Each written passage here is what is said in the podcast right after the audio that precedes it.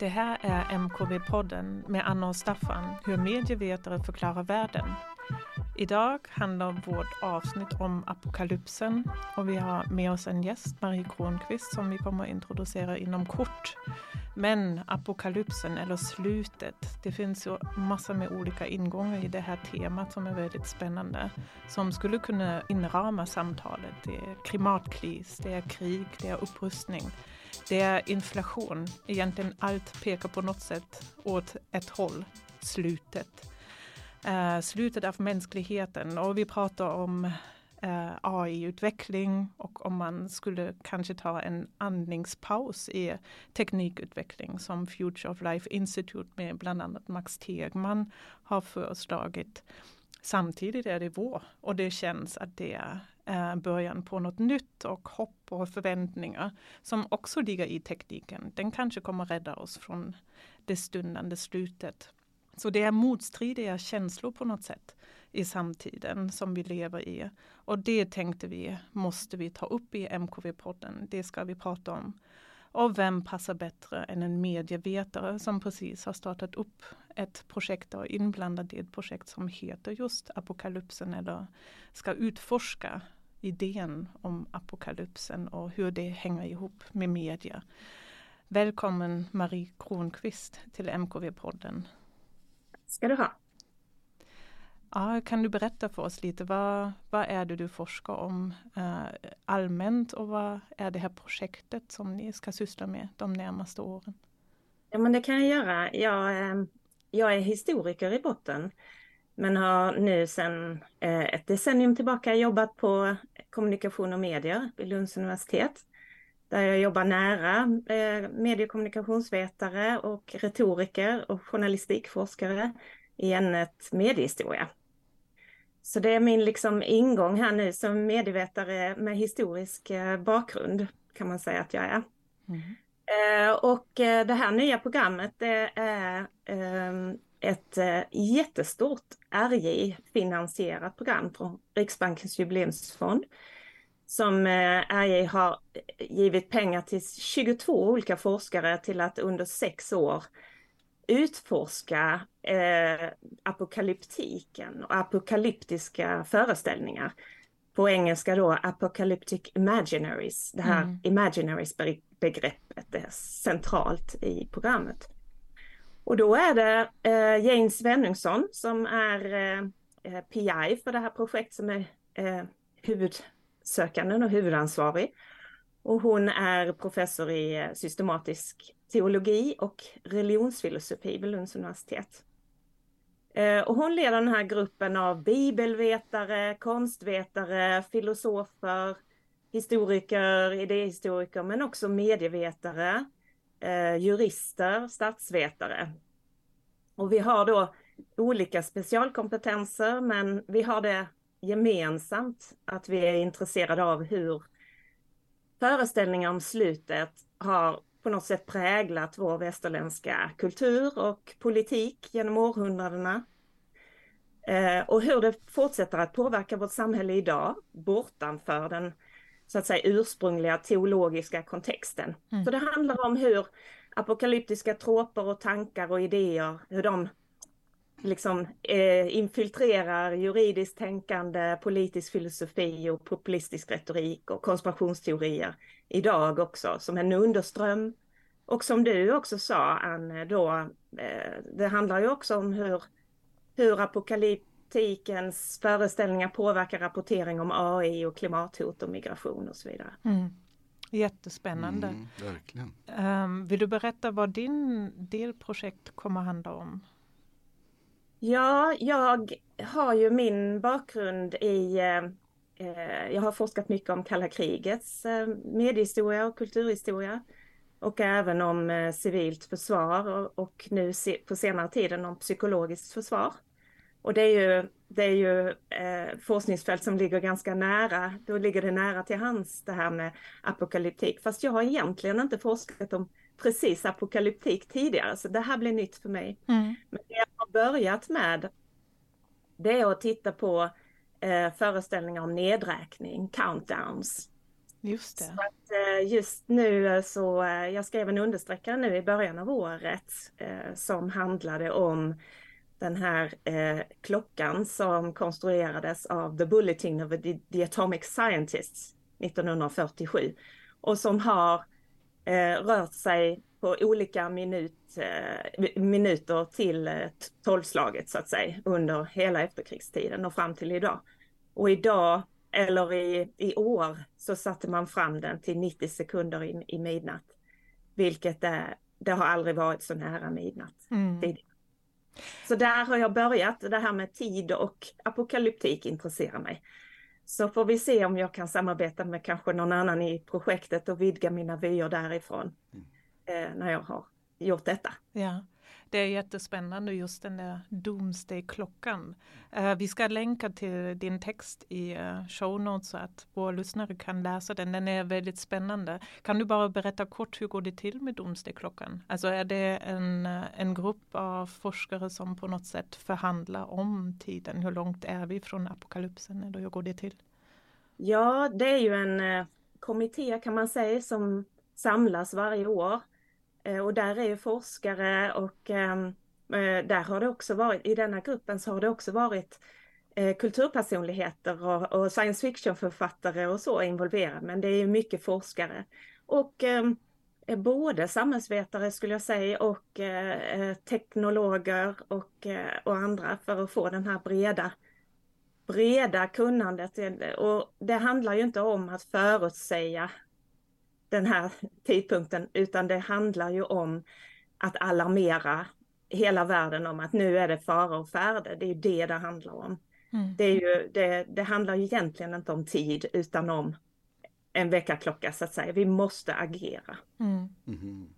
Men det är intressant när jag läser din text, det fanns ju också en tidpunkt där de vred tillbaka klockan just när kalla kriget tog slut eller det mot slutet av kalla kriget. Ja, precis. Mm. Om man tänker att det nu är 90 sekunder i midnatt så var det efter kalla krigets slut 17 minuter i midnatt. Så mm.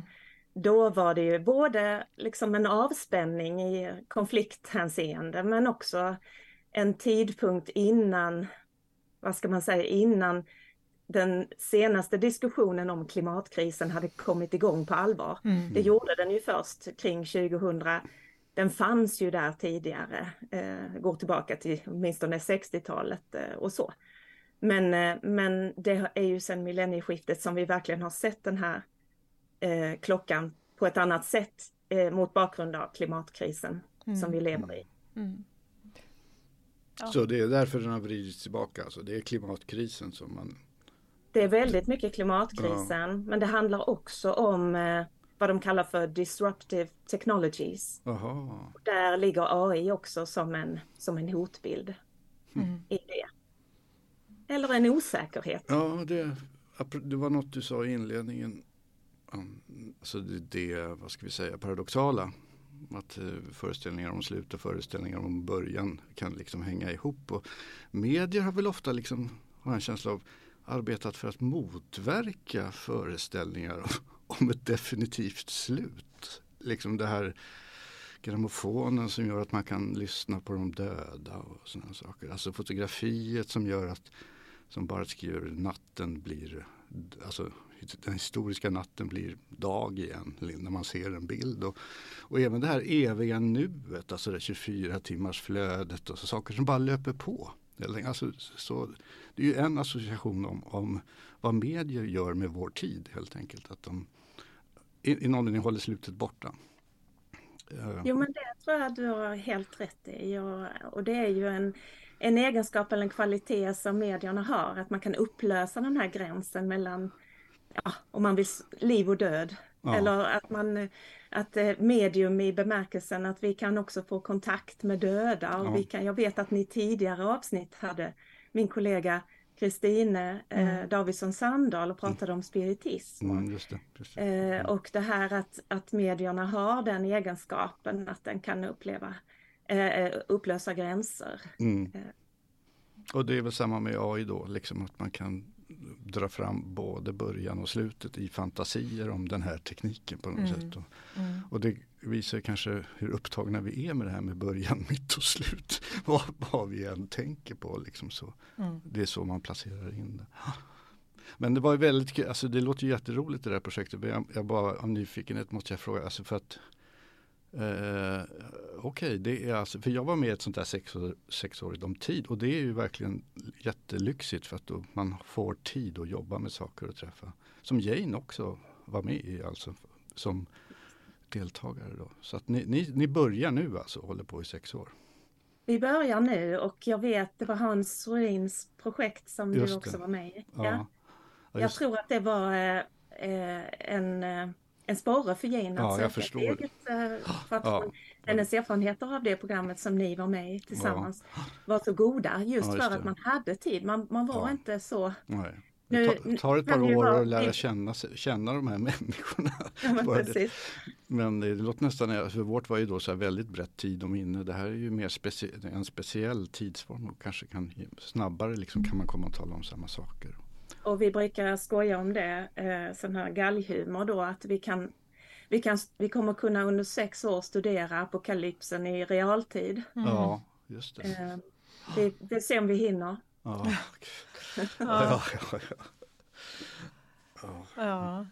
Men jag tänkte om vi kommer tillbaka till diskussionen kring uh, Doomsday-klockan. Mm. För jag mm. tänker en sak som uh, Alltså krisapokalypsen, det är också någonting av en konstant sak genom mm. historien. Att det, föreställningar kring det mm. har alltid funnits på något sätt.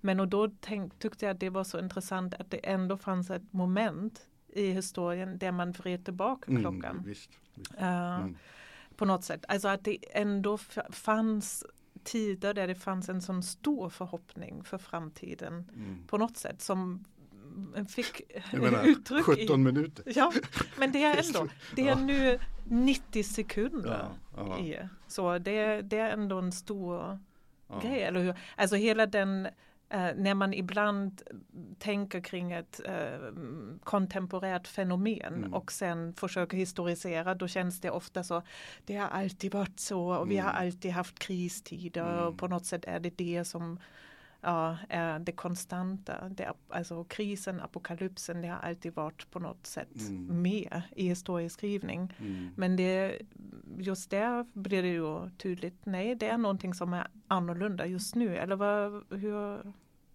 Nej, men jag tycker det är spännande också det här med att man kan ställa tillbaka och, och fram mm. klockan mm. eh, i den här Bulletin of the Atomic Scientist arbete. Men jag tänker också att på något sätt så det som intresserar mig med nedräkning är ju att den egentligen eh, är väldigt kopplad, en retorisk figur som är så kopplad till ett slags linjär tidsuppfattning. Mm.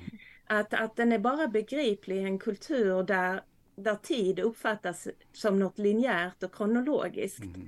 Mm. Eh, inte en kultur där meningen med tid handlar om cirkularitet. Mm. Eh, och nedräkningen är på något sätt ett slags eh, eh den handlar alltid om det framtida slutet på ett eller annat sätt och den nedräkningen anger vår position i förhållande till det här slutet. Och det tar ju Kermod också upp som vi kanske mm. kommer in på sen. Men nedräkningen i den eh, bilden eller den retoriska figuren så befinner vi oss redan där framme på något mm. sätt. Mm. Och det finns en linje mellan nu och den slutpunkten. Så, och det är den linjen som är eh, som är intressant. Och då kanske man kan se den som en, en linje, den är linjär. Mm. Men det mm. går också att, att dra den lite fram och tillbaka som ett mm. Liksom, mm. Just, det, ehm. just det. Ja, precis. Ett glas, eller vad ska man säga? Ja, mm. just det. Apropå kalla krig, för jag skrev en gång en, en text om, om just kalla krig, alltså en tv-dokumentär om kalla kriget sån här som gick på CNN. Och den hade ju en vignett som börjar med en nedräkning.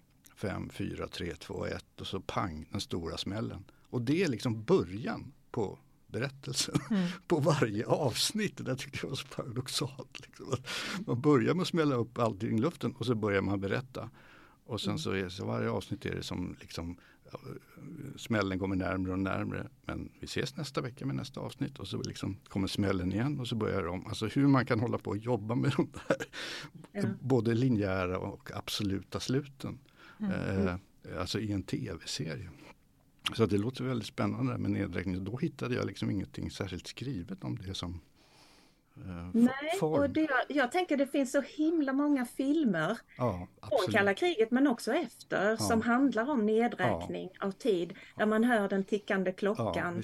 Eh, det handlar ju alltid från den här eh, eh, om ni minns den här filmen Speed med mm. Keanu Reeves. Mm till eh, Tillbaka till framtiden. Där är ju nedräkningen helt central om man mm. går tillbaka eh, mm. några decennier. Och sen eh, också den här Outbreak med Dustin Hoffman som handlar om pandemin. Där var ju också klockan eh, nedräkningen, liksom eh, tidräkningen mm. helt central i kampen mm. mot den här eh, pandemin och så vidare. Mm.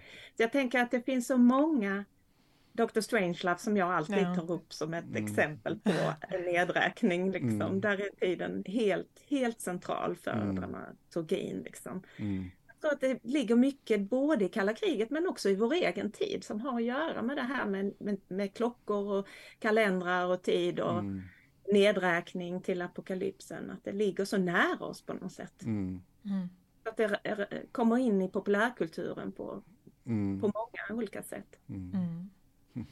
Ja, det, mm. det är spännande. Det är mm. kanske också en fråga om det finns en, ett mediespecifikt sätt att mm. mediera apokalypsen, alltså beroende på vilket medium man använder. Alltså jag tänker om man tar klocka som, som ett medium mm. och sen film med ett annat medium så är det ju olika, alltså med klockan det blir det kronologiska som du beskrev, man kan vrida fram och tillbaka mm. men det är ändå det kronologiska, mm. linjära. Men i filmen kan det bli lite mer komplext och det är att upprätthålla eller komma ifrån apokalypsen som mm. du pratade om mm. i början. Att det kanske man kan också utforska mm. just det mediespecifika mm. i uh, apokalypsmediering eller någonting sånt. Men, men, uh, men, det där har också att göra med, uh, någon sa kris och mm. apokalyps, om, om mm. det verkligen är samma sak. För kris kan man ju tänka på som en, liksom, en process med början, mitt och ja. slut. Ja. Liksom.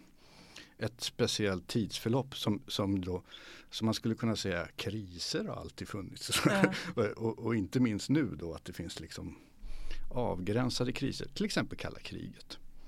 Eller till exempel läget vad gäller klimatet just nu. Det kommer att avlösas av ett nytt och, mm. och ett nytt och så vidare. Men, men man kanske inte behöver tänka på det sådär apokalyptiskt eller eskatologiskt. Alltså mm. att krisen som tidsform. Eller vad säger du Marie, skiljer du på liksom krisen och Eh, nej men jag tänker så här, en sak som jag har lärt mig nu i samtalen med bibelexegeterna i det här programmet det är det att apokalyps betyder ju inte krig. Alltså den kopplingen Nej. mellan det eskatologiska och apokalyps i en annan bemärkelse, den, den är ju gjord senare. Alltså apokalyps eh, betyder ju egentligen, alltså det kommer ju av de här grekiska orden för apo som betyder bort.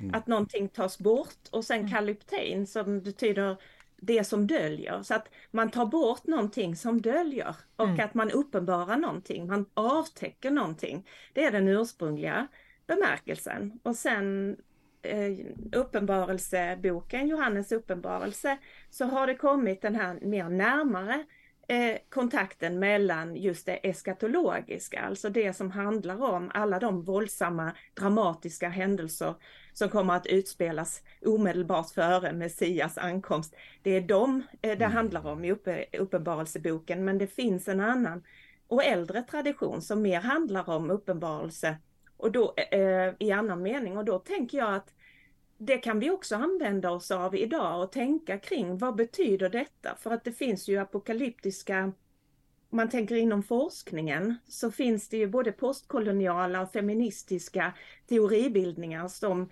kanske mer går på den här tidigare eh, beskrivningen av apokalyps. Det vill säga att den här världen som är så präglad av en petrokulturell västerländsk manlig eh, medelålders elit, den måste gå. Liksom. Mm, mm. Den måste ta slut. Vi måste ha en annan värld och då mm. måste vi ta slut på denna.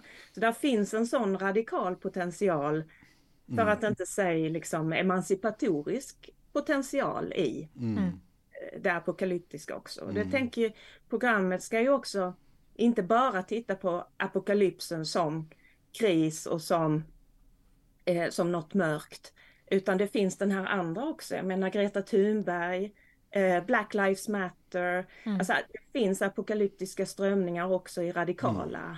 rörelser som vill något mm. annat. Mm. Ja, just det.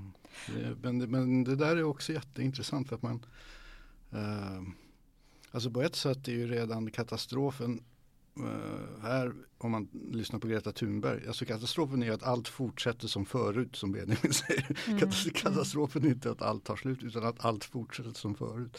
Det vill säga att vi fortsätter att behandla världen på det här sättet och politikerna fortsätter att mm. uh, göra så lite som de gör. Det är det som liksom vi måste vakna ifrån på något sätt. Då. Mm. Just det. Mm. Där tänker jag också att det går ju emot, jag menar nedräkning är ju en sak. Mm. En annan, ett annat sätt att se det är ju det som du nämner här nu då. Mm. Att eh, de som menar att vi är precis mitt i mm. apokalypsen. Mm. Den ligger inte framför oss. Nej. Det finns ingen nedräkning utan vi är där. Ja, just mm. ja. Precis, men vi har ju läst en uh, text eller en bok tillsammans också. Uh, Frank Hamill, The Sense of an Ending. Jag tänkte bara Marie, kan du berätta för oss varför du föreslog den här läsningen? Ja men jag tycker den är fantastisk på många sätt. Eh, den är ju väldigt litteraturvetenskaplig.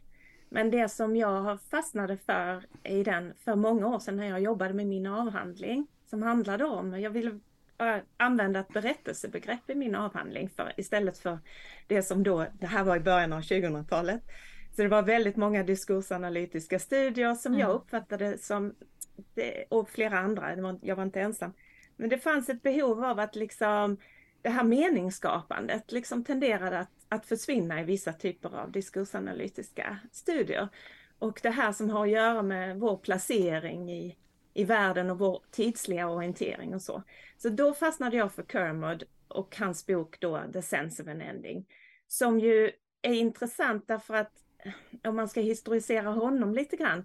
Han skrev den boken 1967 och det var ju en tidpunkt i brittisk i detta fallet men också amerikansk. Han var verksam i båda länderna, mm. eh, både Storbritannien och USA. Eh, där det var en tidpunkt, det var ju liksom 68 och det var Vietnamkriget och det var eh, väldigt mycket eh, politik eh, kring det. Och, och, han var ju en av dem som ville bryta sig loss ur det här, vad ska man säga, ny, nykritiken inom litteratur litteraturvetenskapen, litteraturstudierna. Han, hans bok handlar ju inte bara om litteratur. Mm. Den handlar ju om världen och den mm. handlar om vad som är verkligt. Mm. Eh, så jag tror att, att han, han tilltalade dem i slutet av 60-talet som ville att litteraturen skulle vara angelägen för att förstå verkligheten. Mm. mm. Och det var det han gjorde. Och den tilltalade mig i början av 2000-talet därför att jag var ju också som historiker intresserad av verkligheten och hur, hur, hur vi orienterar oss i verkligheten. Och då eh, menar ju han i den här boken då, han intar ju en teoretisk position som fokuserar på berättelsen och människans sätt och benägenhet att orientera sig i tid. Vi berättar, det är det vi gör. Mm. Och berättelsens styrka ligger i att det finns en början, en mitt och ett slut. Och vi är väldigt obekväma vid att befinna oss i här, den här mitten. Vi måste skapa ordning och mening och det gör vi med, med hjälp av att berätta om det som har varit men också det som ska komma. Mm. Och kanske det som ska komma är viktigare än det som har varit. Därför att vi orienterar oss mot en framtid. Och då menade Kermod, också mot bakgrund av jag tror att det, det, som var viktigt för honom var ju också alla erfarenheter av förintelsen, av, av eh, katastrofer, av en värld med atombomber. Hur ska vi förhålla oss till all denna förödelse, potentiella förödelse eller riktiga förödelse och ondska i världen? Och då måste vi berätta. Mm. Och då är fiktionen, menar han, Eh, det som hjälper oss att, att orientera oss i, i de här långa perspektiven så att våra liv expanderar. De blir ju viktigare eftersom vi befinner oss i mitten. Mm. Eh, att han, han pratar om liksom det på ett väldigt fint sätt tycker jag, att mm. we're in the midst. Liksom. Vi, vi befinner oss här i, i, i mitten och vi, för, vi försöker med alla medel eh, att hitta någon mening i det. Mm. Mm. Ja, det där tick, vi är mellan tick och tock, han använder ju klockan. Relationen mellan, det är en väldigt snygg liksom, Ja. bild. Ja. Eh, Den lilla, lilla, lilla berättelsen. Ja. Men den får ni förklara nästan för Ja. alla. Så att, Ja, det, ja, eller du får gärna. Men alltså det, det är där berättelsen utspelar sig på något sätt mellan Tick och, och eh, mellan Tick och Tock. Så Tick är på något slags eh, bildligt sätt, det är skapelsen. Och Tock är slutet och där befinner vi oss hela tiden. Och, och så skriver han också att vi vet nog ungefär vad som kan hända mellan Tick och Tock men vad händer efter Tock? liksom, Visst. börjar det om då. Så, så att det är en lite så här, det är väl lite så här putslust, men det ligger en hel, alltså det är väldigt effektivt för att se, det är här vi befinner oss liksom. min- det, det är så här vi skapar mening. Mm. Alltså det kunde ju ha hetat tick tick, men då Mm. hade vi inte liksom, hade man inte kunnat använda den bilden, utan vi säger tick-tock. mm. Och då förstår, Precis. då förstår Och eh, ti- tick är också någonting som öppnar upp. Ja, Det är som Genesis. Eh, Mm. Det öppnar upp. Och, och sen måste vi ha något som sluter mm, Mm. ja. i, i slutändan. Och det blir TikTok. Ja. Eller Mm. vad heter det på svenska? Tick-tack. Tick-tack heter det, Mm. just det. Ja.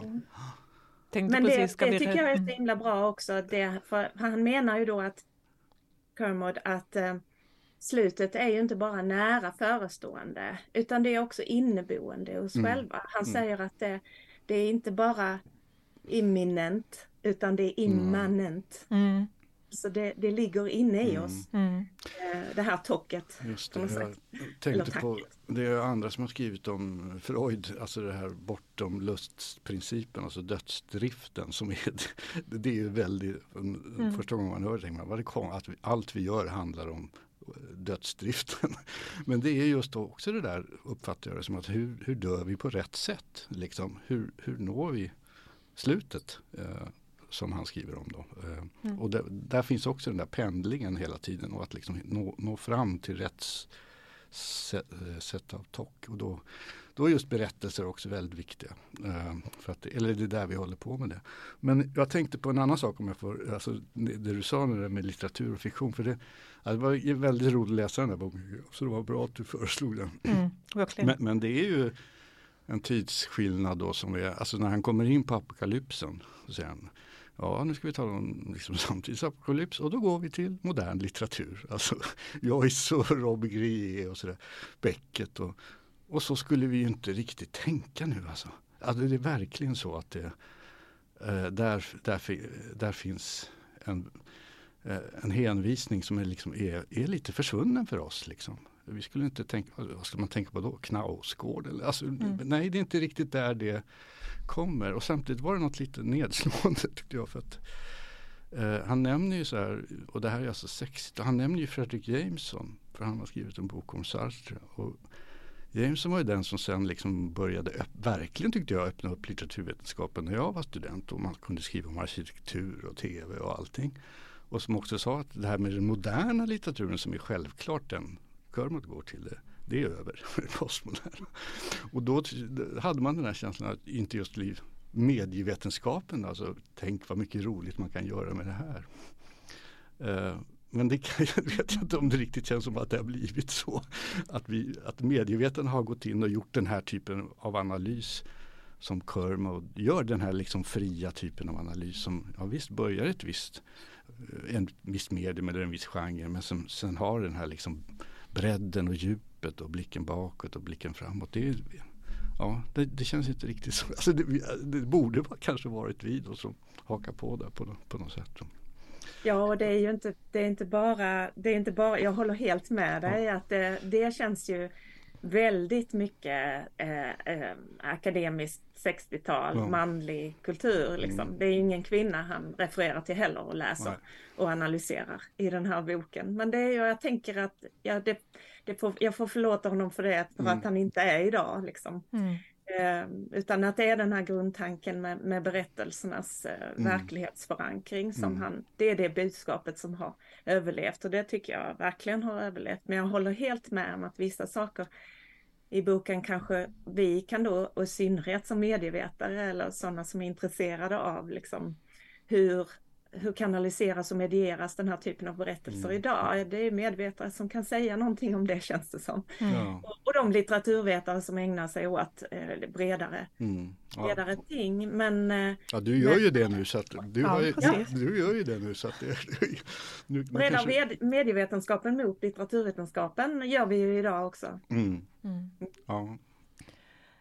Ja. ja. En sak till får jag säga. Apropå, en läs, en, mm. läsning som jag tyckte var så rolig. Det var faktiskt inte bara TikTok utan, eller rolig, men som jag blev så överraskad av. Det var den här, vad är det han kallar det för? Alltså det är en tidsform. Aivon, A-E-V-O-N mm. i det tredje kapitlet som är, alltså som jag tyckte var helt så här, vad fan det här har jag aldrig hört talas om. Alltså en tidsform som liksom förenar det här, det eviga, alltså det kristna sättet att tänka på evighet och tidlöshet och den bundna framåtskridande tiden. Hur det uppfinns på 1200-talet med änglar och så, sådana som är lite både och. Och så följer han det genom fram till eh, ja, genom Shakespeare och 1600-talspoesi och också fa faktiskt fram lite till modern psykologi, alltså till kärlek och så. att man Kärleken är evig men den kan också ta slut. Alltså massa tankar som man bara kan tänka om man kan förena de här två formerna. Man, och den föreningen kallar han för Aivon. Mm. Som, och det tyckte jag också gick att tänka klimatkris. Liksom. Det, där, att det, det, kommer, det kan ta slut. Alltså, eller vårt förhållande till naturen, havet är evigt och sådär. Men det kan också dö ut. Att, att det väldigt mycket handlar om det. Och det, det som var så förvånande, jag hade hört talas om det. Och sen skriver han i efterordet. Uh, att mm. Det var en idé som jag tyckte var bra här och det är ingen som har kommenterat det. var det här med Ivan utan det var mycket det här TikTok och sådär. Mm. Det, det, var, ja, eh, det var verkligen en liksom så här typiskt eh, djupgående, så att bygger på väldigt bred bildning så kan man upp, komma upp med en sån här idé om en tidsform. Mm. Så det var jätteroligt att bara att läsa. Jag tyckte det hade, hade analytisk kraft liksom. Ja, men det tycker jag också. Och eh, det, blir, det blir några andra dörrar som öppnas. Ja. Och jag tänker relationen till det här forskningsprogrammet också. Det är klart att man hade kunnat haft ett eh, vi hade kunnat haft ett eh, forskningsprogram som hade handlat om låt säga 18, 19 och 2000-talen och som hade utforskat de här apokalyptiska föreställningarna. Mm.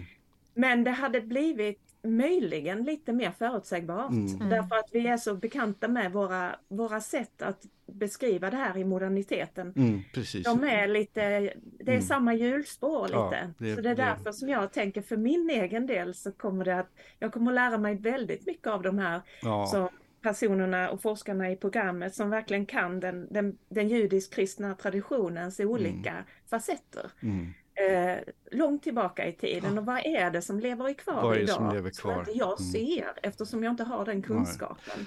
Det, det, var det som var, alltså, jag läste det här samma kväll som jag hade sett på Charles kröning. det var faktiskt så, alltså det var, och, och då eh, liksom som en mediehändelse då, tycker jag det är intressant. Och så säger de där liksom, han är odödlig. Eh, alltså kungen är odödlig. Då tänker mm. jag, det här var väl inte modernt, det skulle vara modernisering. Men han kommer ju också dö. Ja, det är precis det, det här Aivon-begreppet. Alltså, eh, så är kronan historiskt från medeltiden och framåt. Och, så det lever uppenbarligen kvar. Ingen protesterar och säger, mm. han är inte odödlig. Eh, så att, nej, men det, det lever kvar, liksom mm. vissa sådana här former. Mm. Ja, eh och nu kommer vi till den delen. Vi, vi skulle ju kunna fortsätta för evigt mm. men allt måste ta allt slut. och så är det också med avsnitt för MKV-podden. Men och då slutar vi ju med vår bekanta fråga. Marie, vilken sång ska vi spela så att det här samtalet fortsätter in i framtiden? It's the end of the world as we know it and I feel fine. Mm. R.E.M. Bra. Fint. Då spelar vi den.